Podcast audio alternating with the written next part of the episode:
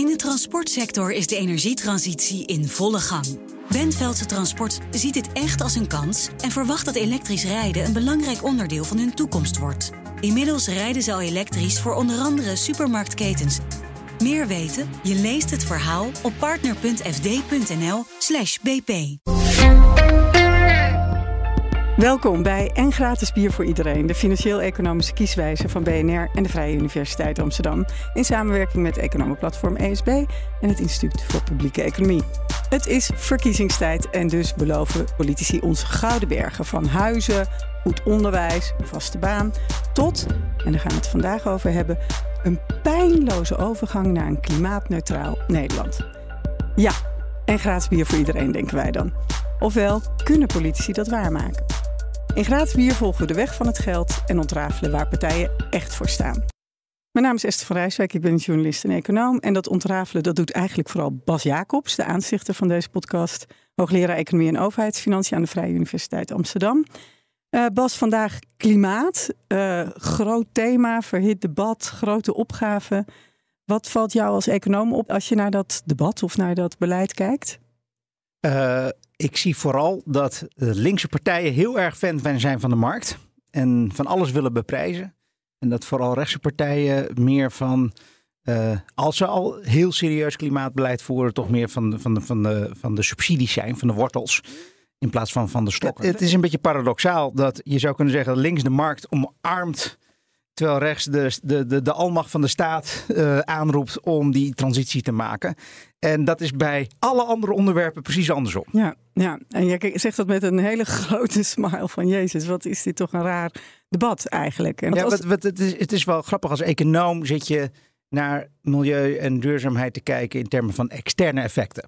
Er zit een verschil tussen de maatschappelijke kosten van een activiteit en de private. Bij CO2-uitstoot, als mensen gaan tanken, houden ze geen rekening met de kosten voor de samenleving als ze hun benzinetank vullen. Ja. En dus wil je dat verschil En die kosten zijn dan het klimaat, hè? En die de opwarming van de aarde en dat soort dingen.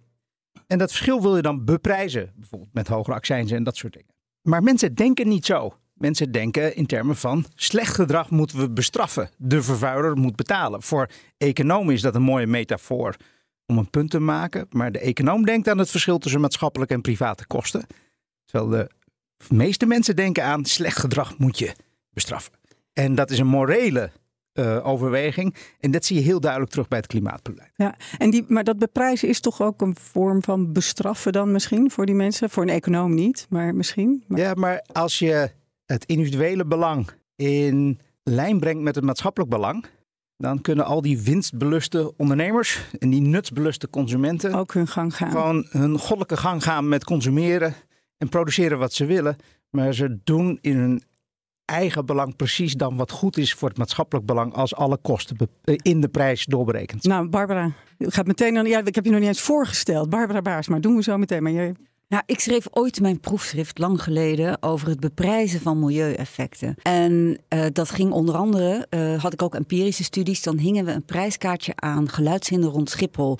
En de natuurwaarde van het bouwen van Eiburg de, hè, in, in het IJmeer. En daar werd ook natuur- en recreatiewaarde voor opgeofferd om andere waarden terug te krijgen. Ja, dat nam je allemaal mee. Ja, en mijn punt is eigenlijk, jij vroeg net, ja, maar is het niet een straf om te beprijzen? Mijn antwoord zou zijn nee, want je corrigeert um, een marktfalen. En die markt werkt daardoor minder goed om welvaart in bredere zin uh, um, te, te, Als je niet genereren. corrigeert, Als je niet je... corrigeert. Dus ik zou het niet bestraffen, maar ik zou het correctie willen noemen. Om de markt zo te laten werken dat uiteindelijk ook bedrijven die op winst belust zijn, ook consumenten die op nut uh, uit zijn, uiteindelijk er beter op uh, af zijn. Omdat ze dan alternatieven krijgen die nog steeds hun behoeften kunnen bevredigen, um, hun, hun verdienmodel kunnen vullen. Uh, voor bedrijven, uh, maar die minder maatschappelijke schade hebben, ook voor henzelf. Oké, dames en heren, Barbara Baarsma, hoogleraar toegepaste economie aan de Universiteit van Amsterdam. Ik had je helemaal nog niet voorgesteld. Um, jij bent vanaf 1 december ook hoofdeconoom bij consultantbedrijf PwC. Uh, maar je blijft ook hoogleraar en je zit in de polder ook nog in allerlei toezichtsfuncties en zo. Vorig jaar schreef je het boek Groene Groei over de zin en onzin van economische groei. Hartelijk welkom. Er ging hier ook meteen een hand omhoog van onze andere gast. Dus die stel ik ook meteen aan jullie voor. De politicus van deze week is Lammert van Raan. Financieel woordvoerder bij de Partij voor de Dieren. Um, ja, waar die hand, wat ik, we gaan nu meteen een hele kapitalistische discussie voeren? Of? Nou, dat, uh, dat weet ik niet. Wat ik wel weet is dat ik kan een heel eind meegaan met uh, wat Barbara Baarsma zegt. Dat en wat zegt Barbara Baarsma? Nou, dat, je die, um, dat het niet zozeer een straf is als wel zaken beprijzen. Maar zeker in het begin van het gesprek, wat we, waar we eigenlijk de kaders neerzetten. Ja, daar zijn we nog niet aan begonnen. Daar zijn we nog niet aan begonnen. Okay. Want ik moet ook nog onze derde gast aan jullie voorstellen. Jesse Frederik, correspondent bij journalistiek platform. De correspondent, journalist dus. Uh, maakt ook podcasts waarin het ook heel vaak gaat over klimaat. Het thema van vandaag, uh, de Rudy en Freddy Show. En boekenschrijver laatst ging over toeslagen schandaal of de toeslagenaffaire. Dat is een heel politieke keuze. Ja, toen nog een affaire, geloof ik, inmiddels een schandaal. Jij noemt het inmiddels ook een schandaal. We, we zouden hier nu een uur over door kunnen uh, praten, maar we gaan even proberen het naar de verkiezingen te heel brengen. Goed, Esther. Voordat we dat doen, ga ik eerst Bas nog even, die kijkt altijd even naar de campagne. Hè, en wat gebeurt daar zoal. Bas, wat heb je eruit gevist? Het is vandaag 10 november, dus dit was de week van de CPB-doorrekening. Ik gok zomaar dat je niet kon laten en daar bovenop zwom. Ja, en ik zie daar wel een aantal dingen die gewoon niet goed gaan. Ik uh, wil een paar dingetjes uitlichten. Uh, de eerste die me opviel was dat Volt een enorme operatie doorvoert in de overheidsfinanciën. Uh, en toch het begrotingstekort niet laat oplopen. En dat komt doordat ze de omkeerregel, mede omdat ze de omkeerregel uh, afschaft. En het, de omkeerregel is dat de pensioenpremies aftrekbaar zijn en de pensioenuitkeringen belast. Dat wil Volt niet meer doen. Dus zijn nu de pensioenpremies niet meer aftrekbaar. Dat geeft heel veel extra inkomsten. Maar in de toekomst loop je de belastinginkomsten over de pensioenen mis. Als je een houdbaarheidsanalyse had gedaan, was dat er wel uitgekomen. En dat gebeurt nu niet. Dus nu kan Volt pronken met hele lage begrotingstekorten, die eigenlijk een procentje of drie van het BBP hoger zijn.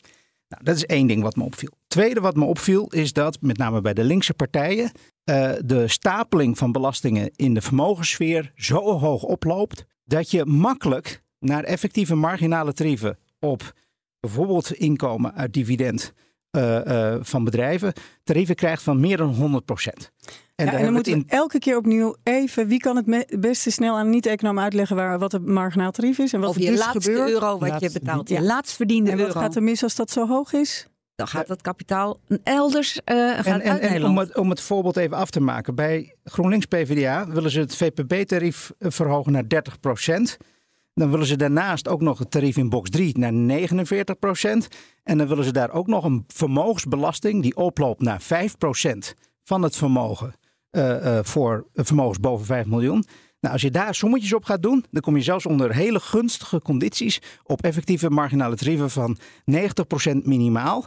En dat kan oplopen tot ver boven de 100%. En op dat moment mensen- weet je zeker dat die opbrengsten die het CPB inboekt niet gerealiseerd zullen worden. Dat heel veel mensen naar het buitenland gaan met hun onderneming en met hun geld. En dat we dat geld kwijt zijn. En ik vind het kwalijk.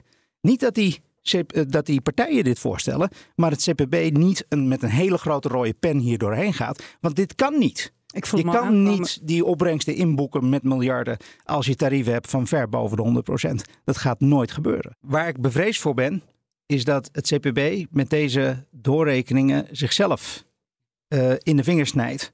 Namelijk dat nu partijen echt gratis bier in doorrekeningen kunnen zetten. En dat het CPB zelf die partijen niet meer disciplineert. En daarmee eh, het hele idee van die doorrekening beschadigt. En eh, ik kan nog heel veel voorbeelden geven, maar deze twee. Maar die alsjeblieft vielen- wil je, als je daar volgende week aandacht aan gaat besteden. Ja, sommige eh, dingen die heel veel meer kosten dan nu duidelijk wordt. Maar er zijn ook dingen die niet in de doorrekeningen staan.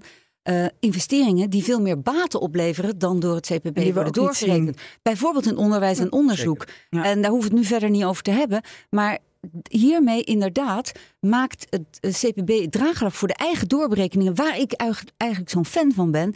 eh, maakt ze steeds kleiner. En alsjeblieft, CPB, stel je iets opener op voor kritiek en ga daar, hè, eh, Mhm. laat dat tot je doordringen. Lammert. Ja, volgens mij illustreert dit precies de reden waarom de, de Partij voor de Dieren al vanaf het begin niet haar plannen laat doorrekenen. Omdat die modelmatige benadering zoveel tekorten kent. Uh, Bas Jacobs die schetst nu zeg maar het, het, einde van het CPB, omdat er zoveel gratis bier in kan worden gestopt. Bas gaat ze redden, denk ik. Uh, um, dat iedereen er wel wat van kan maken. Dat was ook heel duidelijk in de, in de reacties. Hè, de, bij het oog op morgen kon iedereen zijn ding eruit halen en het prachtig maken. Dus die beperkingen, je moet je afvragen, en daar, als daar de uitzending over gaat, ben ik er graag bij. De, je moet je afvragen of die modelmatige uh, benadering voldoende kan zijn, kan zijn uh, en, en, en de beperking van het hulpmiddel voldoende kan zijn ja. om daar het heel model veel tijd is niet het probleem. Nee. Het model is het, model- begin nee. van het probleem. De Bas, volgende week, hier doe je het nu- maar Volgende week Ja, Bas. Bas die er knikt nee, dat van. dat voor de record is. Die is het hier niet helemaal mee eens. Maar dit is Helemaal wel een niet. type kritiek. Dit is allemaal retoriek. Helemaal niet. Ja. Oké. Eh, dit is het type debat wat er nu is rondom die doorrekeningen. Gaan we volgende week doen. En we zorgen dat we er ook de retoriek meenemen, toch Bas? Volgende week. Daar gaan we volgende week een reactie op geven. Klimaatbeleid dus, dat is vandaag het hoofdthema. Hoe staan we ervoor? Wat staat ons nog te doen? Wat moet de politie de komende periode gaan regelen? Die doorrekeningen van het CPB gaat over een heel programma. Inmiddels zijn er ook doorrekeningen van het klimaat door het PBL. Kunnen we ook naar kijken. Jesse Frederik, laten we even bij jou beginnen met het schetsen van die kaders. En de rest doet natuurlijk ook mee. Ja, wat zie je? Hoe staan we ervoor in Nederland? Nou ja, het is niet alleen Nederland natuurlijk. Het is vooral ook heel veel Europees klimaatbeleid wat er is. Wat soms nog wel eens wordt vergeten. Ook in eh, nationale programma's heb ik de indruk. Dus waar hier bijvoorbeeld wordt gezegd van...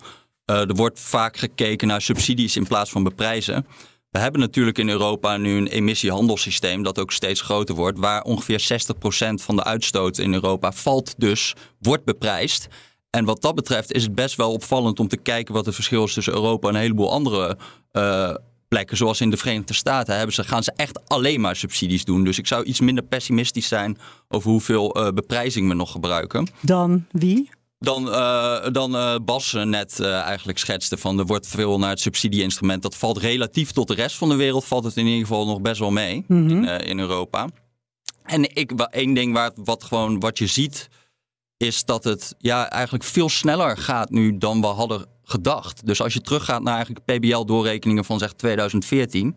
Toen hadden we gedacht dat we in 2013, eh, 2030 16 terawattuur aan zonne-energie zouden hebben. Dat hebben we vorig jaar hebben, we al, hebben, hebben we al aangetikt. dat gehaald. Ehm, je ziet bij wind op zee dat we in 2013 nog eh, eh, 125 euro per megawattuur aan subsidie nodig hadden. Dat is nu subsidievrij, kan dat worden aangelegd. Nederland heeft als, eh, zeg maar op de hele wereld, is alleen Australië heeft meer zonne-energie dan wij. Eén op de drie elektrische laadpalen in Europa staat in Nederland.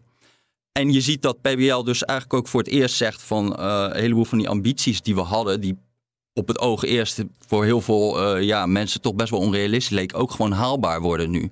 Juist ook omdat die technologie heel snel gaat. Het grote probleem is nu dat we wel heel snel zonnepanelen kunnen aanleggen. eh, maar dat wij eigenlijk eh, hele grote problemen hebben om dat in te passen in onze elektriciteitsnetten. Ja. En dat het soort van. eh, het is ook een bizarre opgave. Je bent eigenlijk gewoon de hele fundament van de materiële beschaving aan het afbreken en opnieuw aan het opbouwen.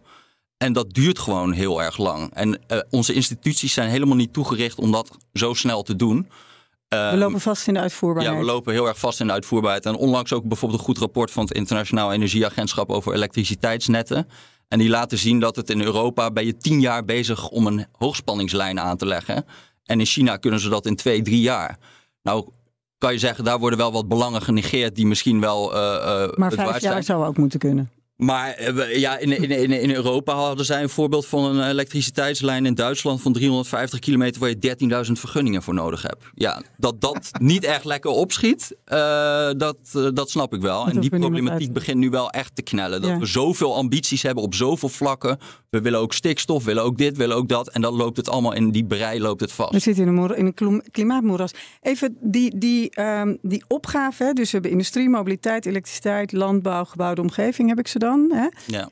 Zeg je, dat gaat allemaal wel goed? Nee, ik zou hoor zeggen, kijk, voor industrie en elektriciteit hebben we het emissiehandelssysteem. Dus- Die, vallen, die gaat in 2040 gaat dat naar nul. Dat werkt dus. Dus, dat plafond gaat naar nul. Dus het gaat, ja, in principe als ze daar niks aan gaan aanpassen, gaat, het, gaat die ja, uitstoot dat naar horen we nul. in het debat niet. Lijkt alsof mensen zich niet realiseren Nee, er wordt- dat er iets, een mechanisme bezig is wat heel hard aan de kant op aan het werken is die Ja, het willen. valt mij dus op dat politiek heel veel bezig is met soort van. Dat snap ik wel, want de grote Tata's en zo, die zijn gewoon een, een prettigere vijand. Uh, maar daar is in principe ook Europees beleid over. Ik denk dat de grootste problemen zijn de landbouw. Ja. En de landbouw, daar heb je eigenlijk nog niet een goed verhaal over hoe we in 2050 klimaatneutraal gaan worden. Volgens mij is de koe die klimaatneutraal is nog niet uitgevonden. Dus wie wil nou precies gaan vertellen dat we eigenlijk naar een vegan Nederland moeten in 2050? Ja, dit debat is nog niet eens echt op stoom. Dus daar maak ik mij de meeste uh, zorgen over. Overigens niet alleen voor klimaatverandering. Ik vind het ook, vrees ook dat we over 50, 60 jaar het een enorme morele misdaad gaan vinden. Dat we zoveel vlees aten. Het is enorm veel grondgebruik. Het is gevaarlijk voor antibiotica en pandemieën. Dus er zijn echt tal van redenen om te gaan zoeken naar manieren waarop we die uh, landbouwsector kunnen hervormen. Oké, dan even die PBL-doorberekening. Want wat viel jou daaraan op? Nou, dat, dat sluit wel een beetje aan op wat Bas zei over de CPB-doorrekening. Kijk, daarin zie je dus wel een verschil tussen GroenLinks en PvdA... die heel ambitieus lijken omdat ze meer emissies reduceren. Dan zie je ergens in de bijlage een tabel dat zij 18 megaton verplaatsen naar het buitenland. Wat het hele verschil tussen VVD en GroenLinks uh, uh, verklaart. GroenLinks PvdA. Groen, groen, ja, tussen, tussen ja. GroenLinks en VVD. En dan denk je van ja, oké, okay, maar daar heeft de mondiale uitstoot dus niks aan. Als maar zeg je... je dan de facto VVD en GroenLinks PvdA scoren hetzelfde? Scoren hetzelfde, behalve dat, uh, dat GroenLinks en PvdA dus uh, veel uitstoot naar het buitenland verplaatst. Omdat zij gewoon uh, ja, ja. heel veel veestapel wil reduceren, maar dan niet de vleesconsumptie genoeg afneemt. Ja, dan krijg je natuurlijk dat het ze gaat verplaatsen. Of uh, uh, ja, uh, bedrijven als Tata en zo, als je die gewoon, als dat zich allemaal verplaatst, dan heb ja. je netto geen CO2-reductie. Ja, die verschuiving, daarvan zegt volgens mij het PBL zelf ook, hè, dat is best een heel lastige ja. berekening. Daar is volgens mij ook echt nog wel discussie over, Barbara Baarsma, over hoe goed je dat in kaart kan brengen. Of zeg je, nou, dit, dit klopt gewoon. Als je dat meeneemt, dan doet rechts niet onder voor links. Nou, wat ik goed vind aan de PBL-doorrekening is dat ze het in ieder geval proberen in kaart te brengen. De kritiek van Bas, hè, over, waar hij het over had, die hoge marginale druk op alle opgetelde maatregelen op vermogensbelasting. Um, daar wordt helemaal door het CPB niet naar verplaatsingseffecten gekeken. En ja, uh, je kunt kritiek hebben op modellen in de zin van dat het allemaal schattingen zijn, maar het legt wel iedereen langs dezelfde lat. En dat gebeurt hier. En als je iedereen die door laat rekenen door het PBL langs dezelfde lat legt, dan blijkt eigenlijk dat uiteindelijk effectief op wereldschaal die partijen niet zoveel verschillen. De een doet wat meer niet in Nederland veel, ja. en de ander die verschuift wat meer naar het buitenland. Dus dat vond ik wel heel sterk aan die PBL-doorrekening. Maar het is ook opvallend dat, het, dat dat hele debat dus behoorlijk is verschoven. En dat we 12, 13 jaar ben je nog aan het praten over wat het ambitieniveau moet zijn. Maar nu is bijna het hele spectrum zijn, zijn we het redelijk over eens. En het komt nu aan op hoe gaan we dat voor, ook echt voor elkaar krijgen. En dat vond ik dus ook en wel. En welke die... rol heeft Nederland daar dan in? Maar Want... dat, dat vind ik ook het goede van het PBL. Want het PBL die had, hè, je hebt de MEF, de macro-economische verkenningen van, van het, het Centraal, CPB, Centraal ja? Planbureau. Daarnaast heb je de KEF, uh, die klimaat- en energieverkenningen. Die krijgen eigenlijk veel minder aandacht. Maar daarin staan hele belangrijke prognoses als we het hebben over klimaat, hoe gaat het met de hernieuwbare energie? Hoe staat het met het finaal gebruik? En daar zit ook best wel hele duidelijk. Het PBL neemt daar een duidelijk standpunt in. Um, over klimaat bijvoorbeeld hebben wij het doel dat we in uh, 2050 op 55, of nee, sorry, uh, ja, 55% energiereductie in 2030 moet ik zeggen ten opzichte van 2090. Zij nee, maken daar een schatting van. Hoe ver staan we nu? Nou, dat is uh, tussen de 46 en de 57 procent.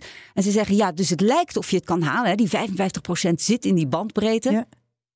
Maar tegelijkertijd zeggen ze, dat is alleen maar haalbaar als je nu gaat uitvoeren en in de uitvoering alles naar de goede kant valt. Dus ze, zijn, ze leveren niet alleen zo'n zo'n schatting op met zo'n bandbreedte, maar ze geven er ook een duiding bij. Ja, en ze leggen de vinger en, op En ze zeggen, kom op, begin nu met die uitvoering. En als je dan kijkt naar de politieke, uh, ver, uh, naar die uh, verkiezingsprogramma's, en dan kijkt naar, ik bedoel, zijn allemaal, zeker sommige partijen, kampioen in nieuwe doelstellingen stellen. Ja. Hè, nog strenger, nog meer dit. Maar, uitvoering... maar de uitvoering? De handhaving. En dat is natuurlijk voor een politieke partij ook heel moeilijk. Wij gaan zorgen dat je in vijf jaar een elektriciteitsnet kan aanleggen. Wat... Nou, uh, hallo, dat kunnen ze wel. Ja. Zullen we eens eventjes zorgen dat we de regie nemen en dat niet uh, uh, al die vergunningen ergens tussen de, de Europa, de Rijksoverheid, provincie en gemeente. Ik wil een lijstje. Wel, ja. Wat zijn de belangrijkste uitvoeringsproblemen die opgelost moeten worden? Netcongestie? Handhaving. We hebben het over de uitvoering. Ja, gaat over het bouwen en investeren van infrastructuren, publieke dingen die de overheid zou moeten doen. Maar tegelijkertijd handhaving. Er was een, en nu gaan we weer een rapport noemen, van de Onderzoeksraad voor de Veiligheid.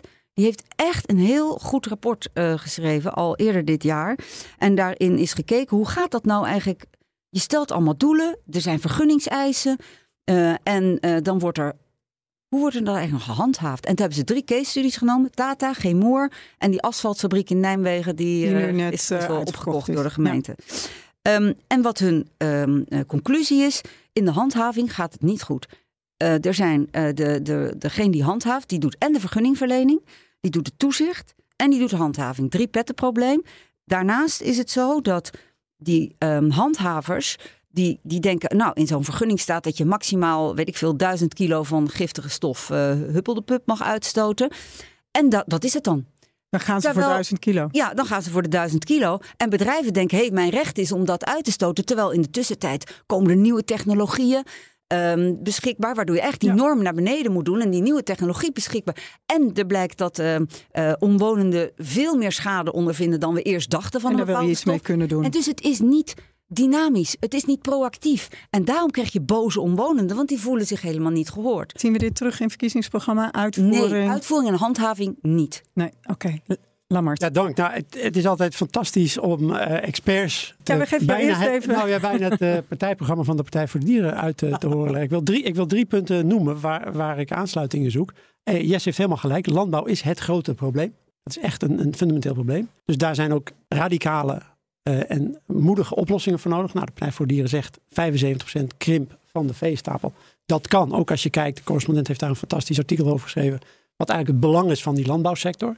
Die is veel kleiner dan de schade die zij veroorzaakt. Dus één, helemaal mee eens. Ja, landbouw is een probleem. Mm. En aan de uh, consumptiekant wil je dan ook wat doen? Want dat vind ik altijd uiteraard, wel ingewikkeld. Uiteraard. En ja. daar kom ik aan het eind met de beprijzingsstrategieën uh, die Barbara Baarsma voorstelt dat je, de, dat je daar een beprijzing. Dus de, de externe kosten van vervuiling van de vleesindustrie is 9 miljard euro.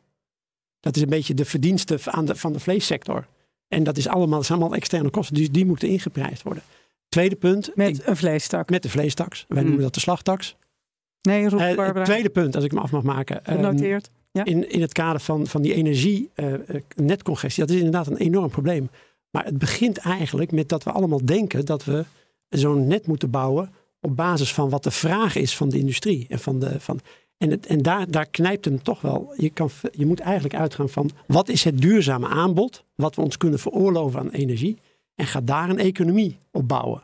Dat is een veel verstandiger uitgangspunt. En dan zullen we alle best en brightest nodig hebben en innovaties nodig hebben om Nederland wel uh, het, het geld te laten verdienen. Maar dat kan dus niet als je uitgaat van de vraag naar energie, want die is in principe oneindig. En het aanbod moet duurzaam zijn. Dat is het tweede punt. En het derde punt sluit ik ook helemaal aan bij wat Barbara Baasma zegt. Die handhavingsplicht, dat is een lachertje. Er is al, ik weet niet hoe lang, is ja. er een investeringsplicht. Die als je gaat investeren in duurzame uh, productiemiddelen, dan moet dat besparing opleveren. Dat wordt niet gehandhaafd. Ja. Er is al jarenlang een, een, een, een, een plicht om de best beschikbare technieken te gebruiken. Het staat gewoon in de wet. Nou, dus laten we zeggen, als je maar het, het, het, neoliberale denken lang genoeg zijn gang laat gaan, dan verwatert dat allemaal. Ja, en dus die handhavingsplicht. Wel... Ja, goed, dat is, nou ja, dat is een kijk, ideologische discussie. Maar die, maar die handhavingsplicht, dat is dus een lachertje. Maar Daarom, dat, is, dat is geen ideologisch ding, toch? Handhaven. Nou ja, omdat ik zeg, als je maar neoliberaal genoeg zijn gang gaat, en dan zie ik mensen een beetje vermoeid kijken. Dat het wordt maar neoliberaal. Laten we liever over Dus, verder. en, Maar en, mag en niet over niks. En het laatste punt, dus inderdaad, in die, in die, in die bespa- de- de- het derde punt, hè, die besparingsplicht, dat dat een lachertje is. We zullen, ik denk, ik, misschien wel 1300 of 13.000 wetten moeten gaan veranderen en regelingen moeten gaan veranderen om de business as usual wetgeving en regelgeving radicaal aan te passen. En daar is Daar moed voor ook nodig. Juist, juist spanning met de soms Partij voor de Dierenbelangen. Hè. Dus je ziet dat die isolatiebranche een enorm probleem heeft door vleermuizen die in spouwmuren zitten. Je ziet dat stikstofdoelen nu de elektriciteitslijn uh, aanleg uh, Ik bemoeilijken. vind, het heel opvallend, dat- ik vind het heel opvallend dat het belang van dieren en het, de kwetsbare belangen vaak als probleem worden gezien. Daar moeten maar we mee belangen van een ander zijn altijd een probleem als ze niet Ja. de jouwe zijn. Ja, en dus moeten we met z'n allen afwegen. We zijn hier in de windmolen- gekomen en we zijn hier natuurlijk enorm in de problemen gekomen door altijd die belangenafweging te laten vallen naar het recht van de sterkste in plaats van het belang van de kwetsbare. Oké. En daar gaat het om. Helder. Ik weet niet of je nu, eh, want ik heb je een paar keer horen zeggen eens met Barbara, eens met. Ik weet niet of, Nou, je, ik ben- of je ik- van ik- alles ik- in de schoenen hebt. Nee, ik ik, heel wil- veel ik ben echt tegen een vleestaks, want Ja. ik ben tegen stapeling van beleid. Ik heb liever ehm, eh, een, dat we een economie breden, daar waar het ETS dus nog niet geldt, eh moet je vooral dat het ook is, blinde dan gaat die prijs van vlees en dan gaat, omheen. als je dan Ja. een carbon tax hebt, maar ook een stikstoftax. eh, en dat we ook een, een ETS voor water, want dat is het volgende eh, eh, Ja. cri- crisis. Ehm, en dan wordt vanzelf vlees duurder en hoef je dus.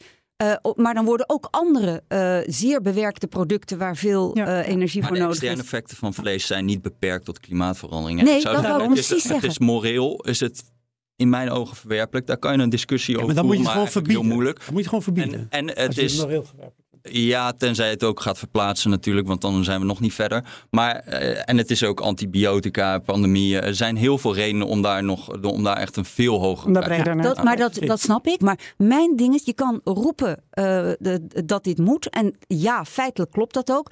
Maar als je niet Zoek aansluit bij verdienmodellen van boeren, dan kan je de afbouw, dan Nee, kan je dat dat, nooit echt- realiseren. Nee, Nee, maar mag ik Sorry hoor. nee, maar mag- hier is dus precies de brug Het tussen verdienmodel van klimaatbeleid. boeren. Dat is helemaal Nee, geen nee. verdienmodel van boeren. Dat is Nee, het verdienmodel van een. Ze van boeren hypotheek. eh, verbreden, zodat ook bijvoorbeeld biodiversiteit en natuur daarin komt. Maar in elk geval trekken jullie hier uit elkaar. Morele dingen, daar kan je voor normeren. En de rest, waar het lukt om het niet moreel te maken, zorg dat het met prikkels gebeurt. Als je alleen maar tegen boeren zegt met een opgeven vingertje: dit mag niet meer, dan gaan ze niet met je samenwerken. Dus ik ben heel pragmatisch hier. Zorg dat je aansluit bij hun perspectieven en verdienmodellen. En heus niet alleen, want ja, we hebben ook eh, dingen te beschermen. Ga je gaan Lammert Ja, dank. Ik zit, ik zit me echt even... op te winden. Nee, niet op te winden. Ik zit gewoon af te vragen en, en, en na te denken. En dat is het fijne dat een podcast is je wat meer tijd hebt. Want, want ik, ik zie echt dat we in die zin dezelfde eh, zaken belangrijk vinden. Maar waar denk ik, waar we van mening verschillen, althans Barbara Baarsma en ik, en, en de Partij voor de Dieren, is dat, dat, dat jij zegt, ja, de- de- de- het, gaat om de boeren en hun verdienmodel. Maar het huidige verdienmodel van boeren is geënt op schaalvergroting, op multinationals die daar veel geld aan verdienen, aan Rabobanken die daar heel veel geld aan verdienen. Ik zie hebben Barbara de hele tijd. En die hebben een systeem gecreëerd waar die, de boer verdwijnt. Waar we steeds meer boeren, eh, meer dieren hebben eh, en steeds minder boeren eh, daar een boterham aan kunnen verdienen. Dus die, die radicale omslag die moet, moet komen, daar zit het hem in. Barbara Baarsma zegt, je moet die boeren meenemen. Dat is Nee, het en ik zeg, beloon ze voor de ecosysteemdiensten die ze ook kunnen leveren en nu te weinig leveren, omdat ze er geen Dus beloning voor kunnen krijgen. ze niet leveren. Verbreed het. We kunnen ze nu niet leveren. Dus we zijn, het wij- eens, nee, we zijn het echt eens over dat die boeren anders moeten gaan boeren. Ik haal het weg bij de boeren Dat we ze nu. moeten ik beschermen. wil met Bas dus even naar die partijen. Hè? Want we hebben dus nu die uitvoeringsproblematiek geschetst. Er zit een heel fundamenteel debat onder van hoe kom je daar dan? Wat zien we nou bij die politieke partijen grofweg een beetje gebeuren? Ja, Bas zegt links wil de markt inzetten, eh, rechts niet. Zien jullie, ja, zien we daar de dingen die we nodig hebben op dit moment? Jesse.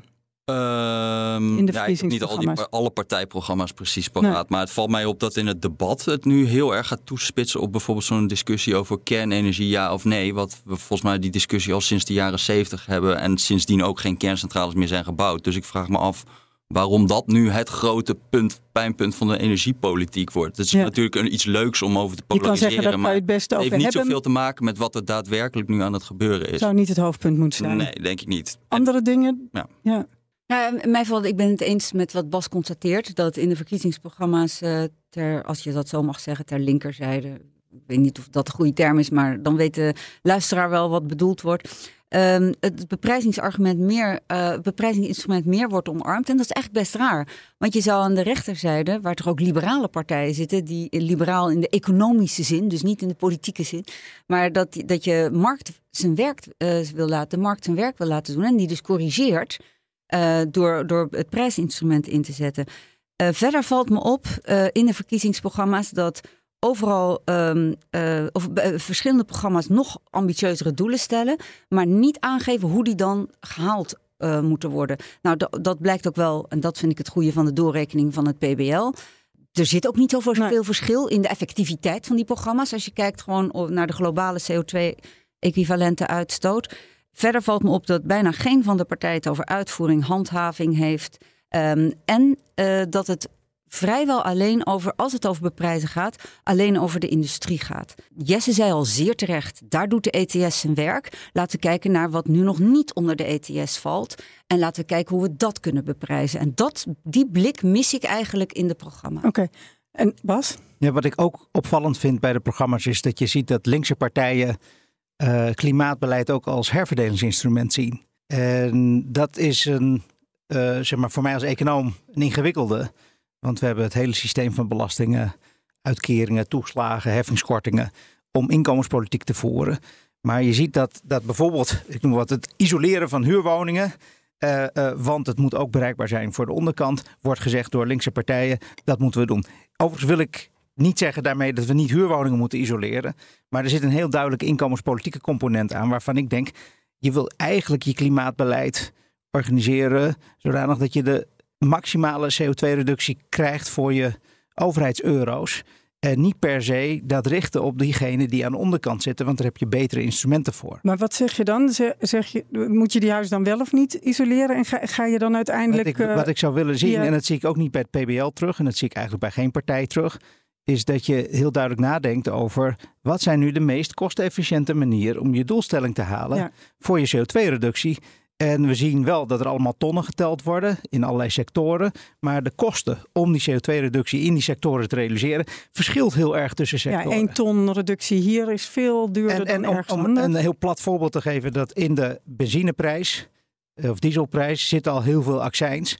Zodanig dat de maatschappelijke schade zo goed als beprijsd is. Of misschien meer dan. Hetzelfde geldt voor de elektriciteit en uh, gas die mensen in huishoudens en MKB'ers gebruiken. Die prijs, Dat daar is- zit alles al in. Daar... Dus, dus die, die, die gewone mensen en kleine bedrijven betalen al voor de CO2-uitstoot die ze veroorzaken met rijden en koken en hun huis verwarmen. En dus moet je echt gaan kijken waar zit die onbeprijsde milieuschade. En dan zit dat inderdaad in de landbouw, bij sommige delen van de industrie. Nou ja, en dat economische perspectief, waar zitten de gaten in de beprijzing? En waar kan je Ja, met je we euro's noemden, ja. het meeste CO2-reductie realiseren? Dat zie je is niet terug. helemaal weg. Zit helemaal niet ik terug. Daar nergens. nog één kant Ja. Wat wij voor economen denk ik soms een beetje een blinde vlek is. Dat er heel erg wordt een soort van eerstejaars economie wordt toegepast van het gaat om kostenefficiënte CO2-reductie. Daar- ja. Nou, als je dat had toegepast op wat een van de meest succesvolle eh, klimaatbeleid is geweest, dat is Duitsland die zonnepanelen heeft gesubsidieerd en daarmee de prijs van zonnepanelen wereldwijd met een factor 10 heeft verlaagd. Dat was helemaal niet kosteneffectief, niet voor Duitsland. Als je kosteneffectief klimaatbeleid was, had je kolencentrales gesloten en gascentrales geopend. Maar het is juist een soort vorm van innovatiebeleid, waardoor wij nu de goedkoopste energietechniek ter wereld hebben, wat zonnepanelen zijn. Maar dan was het En toch zo- wel kosteneffectief? Ja, maar op een soort van globale schaal en niet op zo'n lokaal nauw niveau. Dus je kan ook vaker nadenken als Nederland. Wij zijn een klein en heel slim land. Wat zijn nou de grote problemen die opgelost moeten worden? En hoe kunnen wij die kosten drukken van technieken die we sowieso nodig gaan hebben? Dat is ook veel, dan reikt het ook veel verder dan puur de CO2 die we hier gaan doen. En dan, nou ja, dan wil ik weer aangeven. Landbouw zorgt dat wij bijvoorbeeld hele goedkope vleesvervangers hebben die ook nog een beetje te vreten zijn. en eh, inmiddels, Amen. inmiddels hebben we 60 miljoen euro gereserveerd voor cellulaire agricultuur. Hè. Dat zijn Wageningen slimme mensen die daarmee bezig kunnen zijn. Kan dat een beetje omhoog als we ook 24 miljard voor een of ander stikstoffonds om alle boeren uit te kopen? Want daarmee hebben we volgens mij veel meer impact, ook op mondiaal niveau, door Dus gewoon dit soort Je zegt dat innovaties zou de rol van Nederland moeten zijn. Ik om zie, ik zie veel meer. Ja, ik zie daar ik zie de, heel veel navelstaarderij over wat we hier aan reductie gaan doen. Maar het belangrijkste is denk ik dat wij technieken gaan maken die zorgen dat we. Want de grootste uitstoot zal- en zo zal toch bij, in het buitenland terechtkomen. Lammert, Dus maak, laat ons dingen goedkoop maken. welke rol ziet de Partij voor de Dieren voor Nederland? Eh, CO2-uitstoot, klimaat, dat is, gaat over grenzen heen. Welke rol hebben wij als Nederland daar nou in? Nou, ik denk een van de, de uitgangspunten, als je kijkt naar het verdrag van Parijs, dan hebben wij een hele grote rol Daar hebben we een genomen. opdracht. Ja. hebben we een opdracht genomen Ja. om niet alleen hier eh, het goed te regelen. En ik, eigenlijk zegt Jess het ook heel mooi. We kijken, of, eh, jij kijkt echt door een rietje zo'n beetje naar, naar, de, naar de werkelijkheid. Door om te zeggen van, ja, als econoom hebben we, hebben we het moeilijk. Zie je nog Met- steeds heel Met veel. inkomens, jazeker. Maar eh, als je problematisch vindt eh, dat klimaatbeleid en inkomensherverdeling, dat dat gescheiden dingen moeten zijn, dat is juist enorm met elkaar verbonden. Zeker. Eh, en Dat, Alleen- maar dat dus zeg ik niet. Ik zeg Dus- niet dat dat dat, klimaat... dat hoor ik je net zeggen. Nee, ik zeg dat we instrumenten hebben om klimaatbeleid te voeren en we hebben instrumenten om inkomensbeleid te voeren. En als je meer instrumenten inzet, kan je op zowel klimaat als inkomenspolitiek veel beter scoren dan dat je met één instrument allerlei doelen tegelijkertijd probeert te realiseren. Dan zijn we het er in ieder geval over eens. Dat en- die, en- dat die en ook twee de partij dus van één voor VVD één- even naar Lammert ook, nu. ja, even daar naar zijn we het er in ieder geval over eens. En daar kunnen we het misschien later nog over hebben. Dat die zaken enorm verbonden zijn met elkaar. Ja, daar Ja, zijn zeker, want eens. heel veel klimaatbeleid is wat ik wil zeggen, ik, kan, ik, ik ben eh, ook fijn dat het geconstateerd is en hier consensus over is dat het landbouwbeleid echt een van de hele grote zaken is. Ook daar moet je dus kijken naar inderdaad hoe kun je dat slim en beter doen. Dus die innovatie en vleesvervangers, et cetera, de eiwittransitie is cruciaal. Nederland kan daar een enorme rol spelen. Met betrekking, dus eens. Ja. Met betrekking tot die Maar wat is de belangrijkste rol van Nederland? Want we moeten allemaal aan die opgave van Parijs voldoen. Dat is helemaal duidelijk. Hè? We hebben het net even Ik over dat, wij, dat, dat zei ik in het begin. We hebben de verplichting opgenomen om, om meer te doen dan eh, de, de Global South. Hè. De, de- dus wij zijn het rijkste land. We hebben het meeste veroorzaakt. Dus we moeten ook het meeste doen. Ja. En die plicht hebben we gewoon. Ja. Dus die investeringen in, in die, die hernieuwde economie, die moet echt uitgaan. Wat kunnen we duurzaam maken? En niet wat is de vraag of wat is de rol. En daar hebben we, we zijn echt een heel slim land. Barbara? Ik ben het eens met Jesse daarin. Wel Even, ja, de politieke pa- partijprogramma's zouden veel meer de blinde vlekken van de huidige beprijzing moeten vullen. Daarnaast ben ik het helemaal eens met wat Jesse zegt. Die technologie die je kunt inzetten om die plekken waar echt grote externe effecten zijn, dus grote klimaateffecten, dat kun je niet alleen in Nederland oplossen. Wij zijn een kennisland. We hebben zoveel kennis. Waarom gaan we niet naar India? Waarom gaan we niet naar delen van Afrika? Om daar bijvoorbeeld onze landbouwkennis, maar ook onze eh, kennis over eh, veel groenere industriële eh, processen, om die daar te delen. Dan ben je echt op globale schaal ben je, aan het zorgen dat je door technologie in te zetten, door ergens anders ook die mogelijkheden Ja. eh, te kunnen eh, pakken en te realiseren, ben je de, de uitstoot aan het verminderen. impact. Laat ik ook eerst maar weer aansluiten daarbij. Dat, dat, daar ben ik het wel mee eens. Met, precies die- bij nou, met, die kennis, we techniek, vi- et cetera. Nee, maar ik hoor En- Barbara en- nu ook ja, zeggen... Kennis. als je hier een, je kan een miljard hier uitgeven, maar je kan hem ook in India uitgeven. En daar is Ja. je impact misschien veel groter. Daar liggen, daar liggen grote kansen. Maar ik wil wel waarschuwen. En, en ik hoop dat jullie dat, die waarschuwing snappen. Dat techniek niet de oplossing is. Want als de techniek de oplossing geweest zou zijn. Dan hadden we het al in 1972 kunnen oplossen. Nee, want toen hadden we toch helemaal niet die beperkingen en de grenzen Dan hadden we al kunnen zeggen, hè, dan als we die waarschuwing ter harte hadden genomen, de Club van Rome, of wat mij betreft 1959, Silent Spring, eh, de, de invloed van bestrijdingsmiddelen, landbouw weer. Als we toen dat goed hadden eh, beluisterd en de consequenties hadden genomen, dan had de techniek had het al op kunnen lossen. Dus het is niet In, in, techniek is in superbelangrijk. 1972 waren zonnepanelen 100 euro per watt en nu zijn ze 0,14 euro per Ja. watt. Dus ik geloof Het dat het wel 50 vrij, jaar vrij lastig was geweest om het dan toen al op te lossen. Waar het, om, waar, het punt wat ik wil maken is dat, dat de, zo'n die techniek is niet zalig maken. Dat is niet het enige probleem. En twee, het is juist, het is juist omdat de investeringen in fossiel zo groot zijn geweest, dat de weerstand daartegen heel groot is. En die aspecten, die, die, die, die machtsaspecten, die moet je ook meenemen. Het, het, de crisis ontstaat. Hè, de Er ontstaat nu dat, een beetje een discussie tussen moeten we nou. eh, De, de, de- ik denk dat hier heel is veel niet, verschil. als je gaat vertrouwen Techniek op is niet techniek heilig, gaat maar het ik denk mis. dat zij dat ook niet denken. Zij zeggen Nou, nee, wacht even. Ik Nou, wel. nou, Ja, Ik geloof is wel, in, de jaren 70 en 50 stonden de groene prikkels niet op scherp. Dat- Die zijn we in toenemende mate nu op scherp aan het zetten. Ik ben ervoor om die nog veel meer Maar op dat scherp is te de zetten. essentie. Hè? En Dus- dan krijg je eh, een prikkel, hè, letterlijk, om eh, in technologie te gaan investeren en op te schalen enzovoort. Dat was er ook niet. Ook- desinvesteren in fossiel. En dat gebeurt veel te weinig. Als je kijkt naar de fossiele subsidies, nog 30 tot 40 miljard. Dus dat is een enorme, We enorme... nieuwe ook iets technologie agnostischer zijn over die techniek. We kunnen zeggen, we hebben, nu een, we, hebben nu een, we hebben nu een emissiehandelssysteem. Die uitstoot moet in 2040 naar nul. Als de 30. techniek het niet kan oplossen, dan gaan we een probleem krijgen. Dan gaan we krimpen. We hebben Als al de techniek het wel gaat oplossen, dan gaan we groeien. Dus ja, Ja, eh, ik bedoel... Ja, beste mensen, we moeten wel ons realiseren, we hebben al een probleem. We zitten in een kli- klimaatcrisis. Helder. Het is redden wat er te redden valt. Oké, Bas. Ja, ik, ga, dit is, ik, ik, ik voordat vind dit we- een interessante discussie. Want eh, je kan kijken naar het klimaat- eh, en energievraagstuk als eentje van technologische mogelijkheden. wat gaat het kosten? Uh, kunnen we dit eigenlijk wel? Ik ben daar best optimistisch over, net als Jesse. Mits je de prikkels goed. Uh, het tweede is dat je inderdaad die, nou, voor de econoom externe effecten wil beprijzen. Maar we hebben hier te maken met een mondiaal publiek goed. we moeten met die CO2 die gaat gewoon de grens over. En dit veroorzaakt, denk ik, het grote politieke probleem. We hebben een tragedie van de meent. We moeten met z'n allen proberen afspraken te maken in internationaal verband. Want een klein landje als Nederland kan niet in zijn eentje het hele klimaat redden. En uh, de crux zit hem dus in politieke samenwerking op Europees of misschien zelfs wel mondiaal niveau. Daar schort het aan. Ik ben dus geen pessimist als het gaat om technologie, om het klimaatvraagstuk op te lossen. Ik denk ook niet dat we er failliet aan gaan. Mits we de, uh, en ik denk ook dat we het prima voor elkaar kunnen krijgen, mits we gaan samenwerken. En, en daarin zit hem juist uh, de moeilijkheid. En waar moet die samenwerking precies gaan zitten dan? Wat, wat moet de, de volgende stap in de dus samenwerking zijn? We hebben dus afspraken gemaakt over CO2-reductie. Maar ook hier, hoe gaan we dat dan doen? Als China, als uh, Amerika, als India het allemaal wat minder nauw nemen ja. met de internationale afspraken. Ja, ik ben dus wel best wel pessimistisch over politiek. Maar ik denk dat een van de dingen waarom ik wel weer optimistischer ben, is dat wij nu India op zich niet hoeven uit te leggen dat zij mega zonneweiders gaan bouwen, omdat die gewoon goedkoper zijn geworden.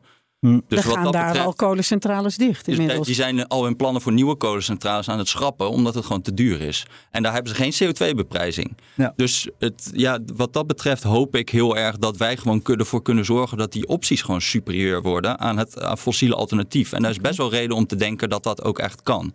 Dus ja, nog los van hoe ik echt denk over techniek. Het is denk ik de enige manier waarop ik zie Suiker, dat dit opgelost gaat worden. vertelt ons wat hem eh, deze week opviel. Wim, kom er maar in. Zometeen duikt Bas in het programma van de Partij voor de Dieren. En dan niet in het klimaatdeel, dus voorbij dat klimaat. En dan deelt hij gratis advies uit voor zover daar uh, vruchtbare grond voor is. Uh, zeker, maar, zeker. dat beloof ik. Dat beloof ik plechtig, ja. Elke week bellen we even met Wim Suiker. En deze week was extra spannend, want Wim heeft jarenlang bij het Centraal Planbureau verkiezingsprogramma's doorgerekend. Hij is nu met pensioen en zat dus ook vol spanning te wachten op de uitkomsten van de doorrekeningen.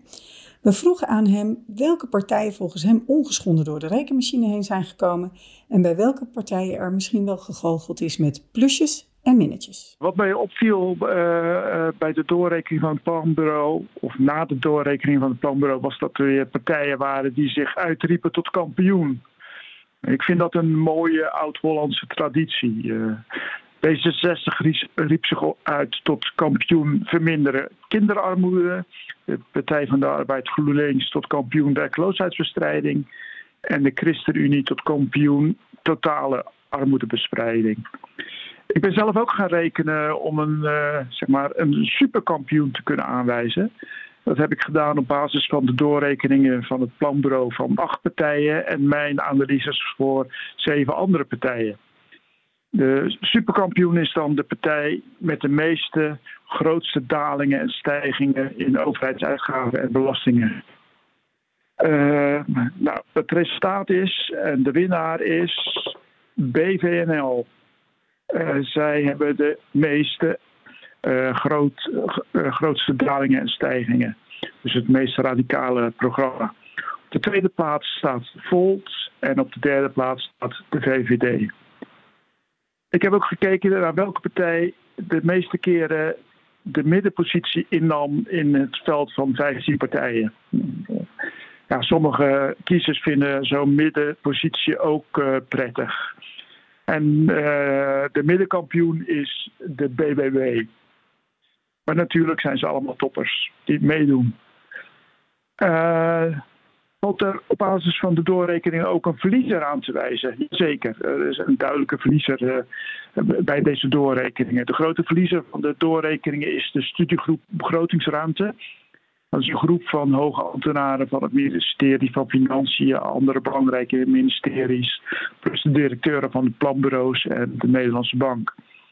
Hun advies in september was om het tekort in 2028 terug te dringen tot 2% eh, van het bruto binnenlands product. Door 17 miljard euro aan bezuinigingen en lastenverhogingen. Uh, wat blijkt uit de doorrekeningen? Geen enkele partij neemt dit advies over.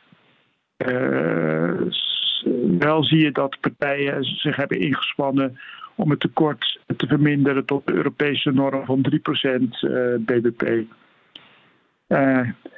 Ik ben nu al nieuwsgierig wat het tekort in het coalitieakkoord zal zijn. Wordt het 2% of 3%?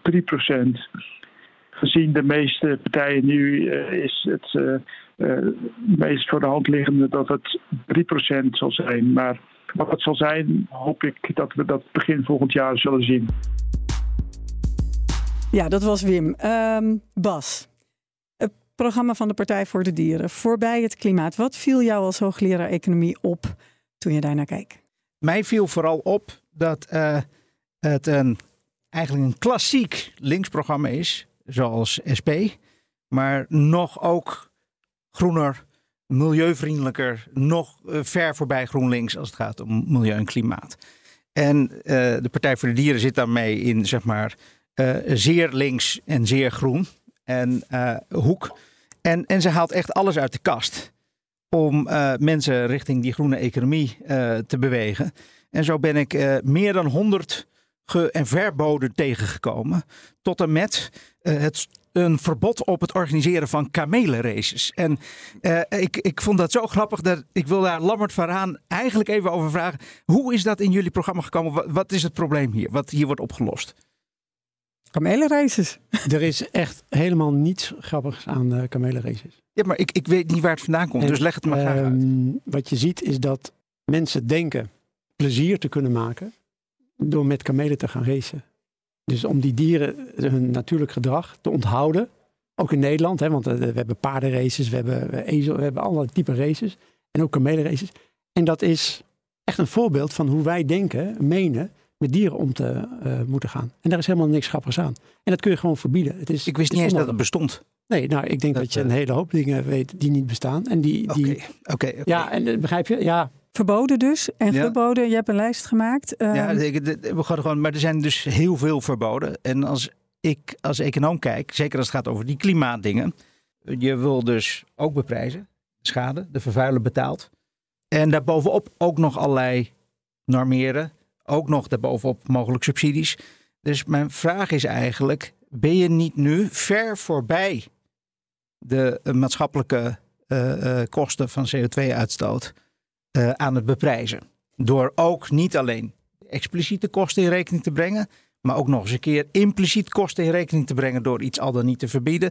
Door ook nog eens een keer subsidie erbovenop te krijgen. Schiet je niet door in het klimaatbeleid, waardoor we als samenleving je zou kunnen zeggen, te veel doen aan, uh, aan milieu. Is dat mogelijk, te veel? Ja. Dat we, dat we dus, je zou kunnen zeggen, te veel consumptie opofferen om die groene planeet te realiseren. Ja.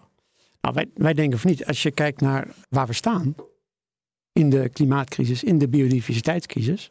Um, en als je ziet hoe het beleid de afgelopen jaren verzaakt heeft die keuzes te maken, is de ruimte, is de bewegingsruimte die we overhouden als samenleving, steeds kleiner geworden. Dus we zullen steeds meer, steeds sneller moeten doen om de planeet leefbaar te houden. Want, ja, nogmaals, als je uh, kijkt naar de rapporten, de, de laatste jaren, hoeveel uh, klimaatrapporten en biodiversiteitsrapporten kennen jullie nou die zeggen, nou, het gaat de goede kant op? Er is geen één. Nou. Bijna geen één. Nou, en als het is, en als, en als er goede rapporten zijn. Maar, maar dit is het punt en, van Bas niet. Nee, ja, nee maar goed. Nee. Daar kom ik nog dan uh, op. Ja. Uh, het was een illustratie van wat ik al gezegd heb. En als je al uh, rapporten tegenkomt die zeggen, nou het gaat beter, dan is het vaak in termen van het gaat minder slecht. Dus we zullen. We gaan de goede kant op. En ik moet de eerste e econoom nog tegenkomen, misschien ben jij het, uh, die gaat uitleggen hoe je, met als je alle plannen ook wereldwijd optelt, een 2,7 graden economie, een prettige samenleving ook in Nederland kan hebben. Dus we zullen steeds meer en steeds sneller moeten doen. En de, die radicale keuzes, die, daar, die, daar, daar, daar lopen wij niet voor weg. En dan is het nee, inderdaad dat, dat waar. Is heel, dat is heel en duidelijk. Dan, en dan is het inderdaad waar. Maar is, er, is, is er een kans dat je te veel doet? Nee, die, die kans die achter, die Maar- is er. Die jullie- kans is er altijd. Maar die acht ik bijna nul in, in, eh, en aanvaardbaar in het licht van de opdracht die we hebben. En dat is lijfsbehoud. Dat is we- het vege lijf redden op Maar, een beetje jullie manier. Even naar voor in Vrede. 2030 klimaatneutraal ongeveer. Ja. Hè? Nou weet ik dat er geen schepen zijn die op dit moment varen zonder fossiele brandstoffen. Er zijn geen vliegtuigen die vliegen zonder fossiele brandstoffen. hoe, ik bedoel, dat is wel, zeg maar, als je dat in 2030 allemaal geregeld Wil wordt, zie het ik, zie ik eigenlijk gewoon dat dat gewoon niet gaat gebeuren. En dan hebben we natuurlijk, ja, als we geen schepen meer hebben waar ongeveer al onze producten op aankomen, zie ik dat toch wel somber in. En eh, ook bovendien, ja, het is natuurlijk ook aspirationeel. Hè. Volgens mij is het ook goed dat er een partij is als Partij voor de Dieren die eigenlijk iets heel drastisch voorstelt. En dan maakt iedereen een maand dan weer tot redelijkheid. Maar als we het letterlijk nemen, lijkt het me toch wel best wel een beetje eng worden. Ik ben het met je eens. De luchtvaart is een legitieme sector. Die ga je niet verbieden. Dus we zullen CO2-budget moeten reserveren voor de luchtvaart, voor die vluchten die we niet kunnen compenseren. En voor die scheepvaart. wat betreft scheepvaart is het ook, daarvoor moet je weer uitgaan van hoeveel ruimte hebben wij nog, CO2-ruimte, klimaatruimte kun je het ook noemen, rechtvaardigheidsruimte voor mijn part, om die enorme scheepvaart ons te kunnen veroorloven. Het is absurd de hoeveelheden die wij verslepen, die we niet nodig hebben. Dus, en dan kom je op een economie die binnen die grenzen van de planeet blijft. En, die En wel dan kom je ook helaas, en- dan kom je ook, als beprijzing niet snel genoeg gaat, kom je ook in een aantal gevallen gewoon op eh, verboden terecht.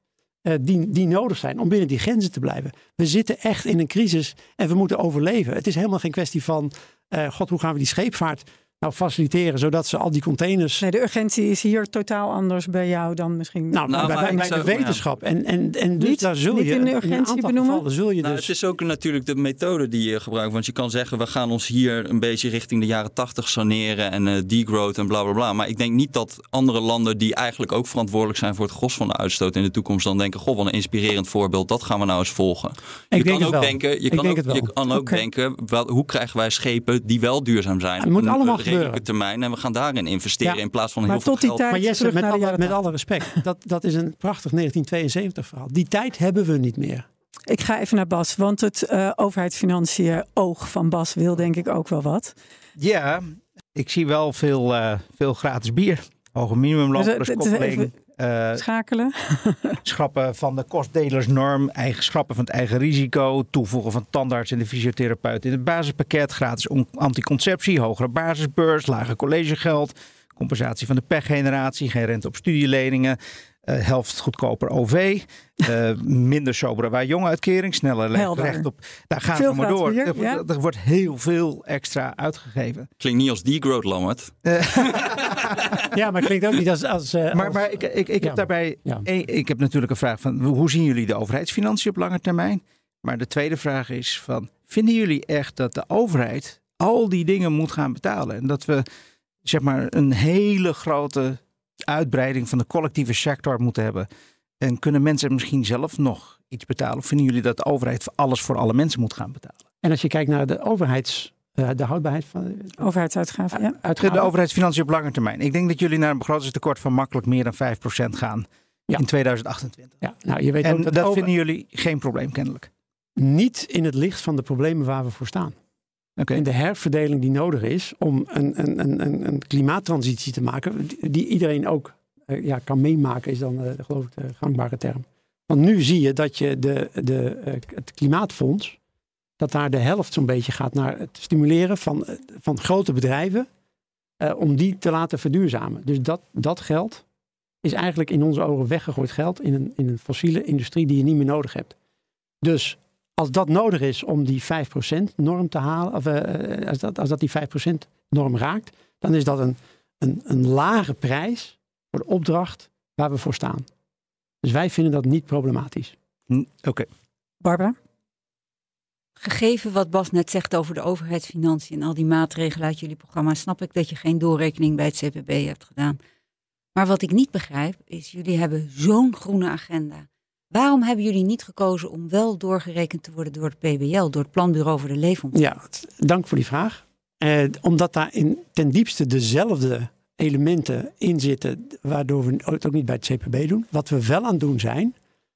En, Maar eh, kan je dat toelichten? Welke elementen dan? Wat bedoel je daarmee? Nou, waar, waar, waar, staat nou, waar staat nou in het PBL-model dat World Overshoot Day voor Nederland 4 mei, hoe we dat gaan aanpakken? Wat Dat daar de effecten van zijn. De dag dat we alle grondstoffen hebben eh, opgebruikt. De hernieuwbare grondstoffen. Waar staat dat in het PBL? Kun je mij dat vertellen? Nee, maar het Nee, PBL-rapport waar hoeft dat niet te zeggen. Jullie eh, programma Nee. moet ervoor zorgen dat overshoot day later is. En je laat het PBL beoordelen of dat ook daadwerkelijk zo is. Maar dat zit niet in het model van het Nee, PBL. joh, World Overshoot Day is gewoon grotendeels CO2-uitstoot. Ja. Dat zit gewoon in Nee, het dat PBL. is, dat is veel Ja. meer. Jawel, Nee, dat is veel dat meer. is, dat is Dus wat wij- 50, 60 procent van die, eh, van die grond. Maar goed, Dus- dat zijn een dus- beetje dus wat wij wel- Maar wat je we kan wel gewoon CO2-uitstoot toch laten doorrekenen. Wat we wel doen, en waar we ook in gesprek zijn met CBS, wij zijn een enorme Het fan- PBL. P- sorry, PBL. Maar ook bij het, Centraal Planbureau in gesprek. Er is echt waarde in het doorrekenen van effecten. Maar niet op de manier van het PBL, niet op de manier van Maar ik denk dat de kiezer het Dus- fijn zou vinden om te weten hoe jullie in dat rijtje die nu gemaakt Nee, dat vindt is, de kiezer helemaal niet fijn. Jawel, om te weten of jullie ook Nee. daadwerkelijk eh, niet leiden tot veel meer verplaatsingseffecten Nee. bijvoorbeeld. Want Ja. dat, dat ben ik Jij wel zegt, heel erg benieuwd mijn achterban Nee. interesseert dat helemaal niet. Nou, die zal het misschien wel interesseren. En die, in, die, in die zoektocht, daar zijn we, daar, daar, daar, is- dat is ook een opdracht, daar zijn we mee bezig. Maar nogmaals, die verplaatsing van effecten, ja, dat, dat, als je je daardoor laat leiden, dan kom je Ja. tot niks. Ik denk dat we daar een biertje bij nodig hebben. Wat Ja. denken jullie? Ik Ja, ik vind dus best we hebben wel een gratis deze bier. podcast heb ik zin in wel zes bier, denk ik. Ja, ja. Zal ik je ze betalen? Dan heb jij een gratis bier. Ja, nee, dat is niet gratis. Dat lijkt me. Het Ja, is voor niet. jou wel, want ik betaal ze dan. Ja, ik betaal belasting om jouw salaris te betalen. Is ook nooit goed. Mag ik jullie allemaal heel hartelijk bedanken. Lammert van Raan, Jesse Frederik, Barbara Baarsma en Bas natuurlijk. We gaan het biertje halen, dankjewel. In de transportsector is de energietransitie in volle gang. Bentveldse Transport ziet dit echt als een kans en verwacht dat elektrisch rijden een belangrijk onderdeel van hun toekomst wordt. Inmiddels rijden ze al elektrisch voor onder andere supermarktketens. Meer weten? Je leest het verhaal op partner.fd.nl/bp.